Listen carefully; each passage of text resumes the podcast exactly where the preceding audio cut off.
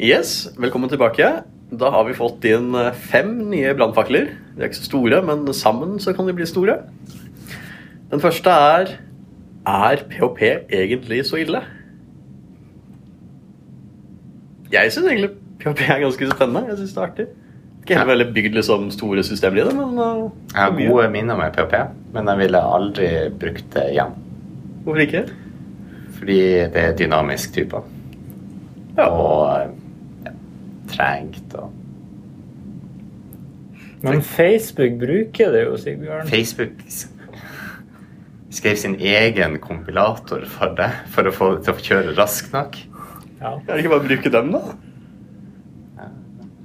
Jeg vil sitere han, eh, forfatteren av PHP, som sier at uh, PHP kjører bedriten kode veldig bra. Så det har jo sine Men ikke bra nok for Facebook. Nei! Nei, nei, men, men det er, det er den kjente problemstillingen. Er, er, vi Facebook? Vi er jo ikke det. Nei. Så da Jeg vil si at gjennom fem år med studie, tre år i jobb, så har jeg aldri sett PHP-kode.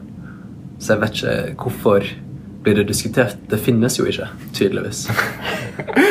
Jeg, jeg, jeg har vært borti det faktisk et par anledninger. Uh, men det har egentlig ikke vært uh, Det har vært litt sånn sidegeskjefter. eh, type ting. Nei, det, det er jo, altså, hovedproblemet er vel egentlig mer at det er eh, mange versjoner, og folk tar aldri oppgradere oppgraderer serverne sine, så du kjører gamle versjoner som er usikre. eh, og mye blir lagt over til brukeren med å ta vare på passord og sånt nå, sånn at det er veldig mye dårlig, veldig, veldig dårlig PHP-kode fordi språk var dårlig og har endra seg, og folk har ikke oppgradert. For de som oppgraderer, så brekker det ting. Det høres ut som at du sier at PHP er så ille. Jeg har hørt meg godt om Lara, vel, da. Det rammeverket. Ja, det likte ikke jeg noe jeg så på det. Ok. Nei. Men, er grei. eh, men, men, eh, men jeg hadde bare jeg hadde litt erfaring med annen kode. Jeg tenker vi hopper over til eh, trackpad er noe dritt, som er den neste brannfakkelen vi fikk inn. Bruk det du trenger for å være effektiv i din jobb. Jeg bruker trackpad sjøl, og jeg digger å handle ned tastaturet. Kunne ikke sagt det bedre sjøl. Ja. Jeg foretrekker en, en mus når jeg kan det. Og synes ofte at jeg ender opp med å få litt vondt i armen av å bruke trackpaden mye. Der er det en twist. Eh, jeg kan finne på å rullere, da. Eh, hjemme så har jeg både en sånn Magic trackpad eh, og en mus, og så bruker jeg å veksle bare for å unngå liksom å ødelegge mine armer. De skal jeg ha i mange år til. Jeg merker at jeg er sykt mye tregere med trackpad enn med mus. Mye dårligere presisjon. Men tenk på alle swipe-funksjonaliteter du mister med ei mus. Tre fingre ut, spredd, så fjerner du masse vindu. Sammen så får du opp eh, Det fins tastekombinasjoner for alle de her. Ja, men du har jo ene hånda di på musa, så det, det blir jo utrolig vanskelig å ta alle kombinasjonene med andre hånda. Jeg har veldig store hender. Så det går bra. Jeg, jeg er egentlig mer det at jeg prøver å gjøre mest mulig med tastatur hvis jeg kan gjøre det isteden. Jeg synes det er veldig plagsomt å klikke på ting. Uh, der har du jo en, uh, ja, en blogger som snakket om det, liksom at det er, det er fem steder på skjermen det er lett å klikke. De fire hjørnene, og der du har mus akkurat nå. Uh, og det prøver jeg å ta med meg i det lageret òg, så jeg, hvis jeg kan bruke tastatur, er jeg glad for det. Mm. Det er ikke dum, den.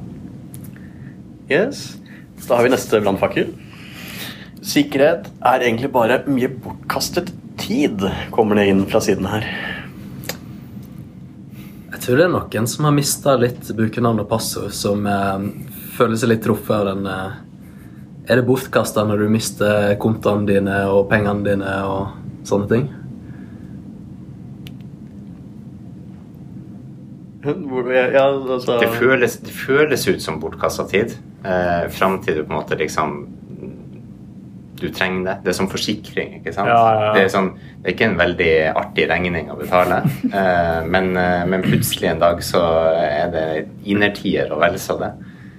Uh, Ja, det må- Usikkerhet det kan være ganske mye bortkasta tid også, når du plutselig finner ut at alle dine hus og hoteller er kryptert, og du er nødt til å betale 50 000 bitcoin for å få fortsette å drive med det du driver med. Det er sånn erfaringsbasert læring, egentlig. Ja.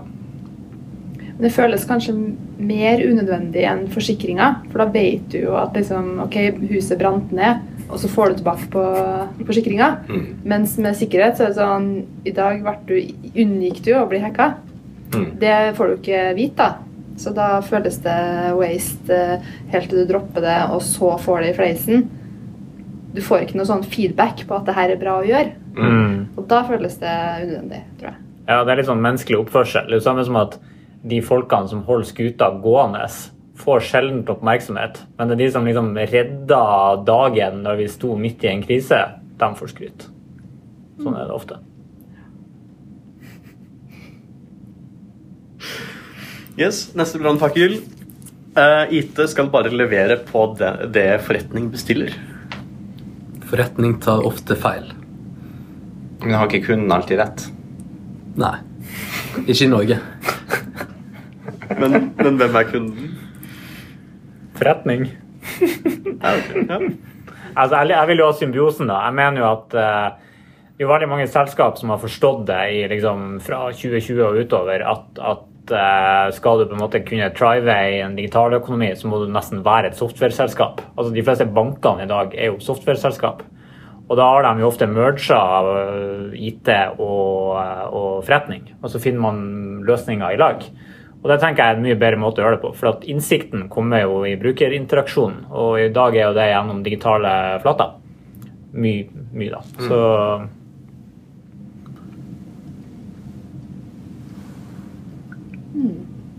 Det er litt sånn gammeldags, da. Gammeldags spørsmål, kanskje. At det er sånn skille. Det er veldig Ja, skal man ikke jobbe sammen? Det kanskje det svaret på den, da. Altså, vi føler rett og slett at vi har kommet såpass langt nå at det, er, det ligger bak oss. Nei. tydeligvis ikke. Nei, jeg tror også det er på en måte eh, Hvis du, hvis du skal på en måte ha, jobbe sammen med noen som er eksperter på et eller annet, eh, være det selv liksom snekring eller digital produktutvikling, da, så, eh, så er du jo interessert i å ha en dialog om på en måte å, kvalitetssikre det du bestiller, egentlig. Hvem er IT? For Hvis jeg skulle svart for oss, så ville jeg sagt at vi er rådgivere. Og vi skal sette, stille spørsmål til de bestillingene vi får. Men IT generelt Det må jo finnes noen fasilitater der ute som bare gjør det de får beskjed om. Ellers så går ikke ting rundt. Sånn type Jeg trenger en server. Gi meg en server. Ja. Ja, Men du skal ikke få Hvorfor skal du få en server, eh, Håvard? Hva skal du med den? Alle kan ikke være rådgiver. Ny brannfakkel. Det er jo en sånn urban legend da, at, eh, at eh, en amerikansk bilfabrikk tok også bestilte deler av en japansk underleverandør og bestilte én defekt per 100 eh, deler. Eh, Og fikk da levert én defekt per 100 deler. Og da kunne jo selvfølgelig den, eh, den eh, De leverte akkurat det som ble bestilt. I stedet for å spørre er du sikker på at dere vil dere ha, vil dere ha én defekt per 100 deler, eller vil dere ha null? Får jo rutiner, da, i hvert fall, tenker jeg. Yes. Uh, siste brannfakkel for i dag er Trenger vi egentlig spa? Holder det ikke med BFF? Og da snakker vi ikke om eh, best friends forever, går jeg ut ifra. Eller spabehandlinger? Trenger begge deler. Trenger vel egentlig begge delene. Men eh, her er vel det å snakke om single page applications. Den typiske React-appen som kommuniserer med en eller annen backend. Eh, Eller kan det egentlig fungere fint å bare ha én stor applikasjon som server, server litt HTML uten noe mer fancy javascript? Eh, Som en person som har brukt eh, år av sitt liv på å implementere nettleseren i nettleseren, for ingen god grunn, så har jeg lyst til å si at det er veldig sjelden man trenger spa. Og stort sett så trenger man en helt vanlig nettside som sender forespørsler til en server og får dem tilbake ferdig rendra. Eh, Fordi det å reimplementere nettleseren med navigasjon og routing og historie og alt det der i, eh, i, eh, i frontend, i Javascript, er bare ekstra kostnad. Det er en sånn, det er en sånn hype. Slutt med det. Jeg tror òg nok at det her er pendel. At det er litt eh, Det var jo en tid hvor eh, server-side-rendring var poppis. Så ble det mindre poppis. Nå er jeg i ferd med å bli litt poppis igjen. Så jeg tror jo det her bare går sånn, da. Det nyeste er at man kan drive og rendre spaen på serveren. For å ikke bruke så lang tid på det første sidelastet. Ja. ja, ja. Jo, og for å få til uh, sånn unfurling på sosiale medier. Ja. Det er jo faktisk viktig. Men i eh, verktøykassa mi hjemme så har jeg en drill, og så har jeg med et sett med bits. Og jeg har brukt tre ut av de 40 bitsa jeg har. Jeg trenger dem ikke, men plutselig en dag så får jeg behov for det. Det er jo godt å ha det i verktøykassa, selv om vi kanskje overbruker det litt for masse akkurat nå. Ja, jeg er helt, eh, helt enig. Iblant så trenger man Iblant når man har faktisk en, en måte, interaktiv applikasjon som man har lyst til å kjøre i nettleseren, selvfølgelig så skal man lage en spa. Men hvis man i praksis bare trenger å sende noe data fram og tilbake og lagre det på en server, type skjema eller noe sånt der Crud.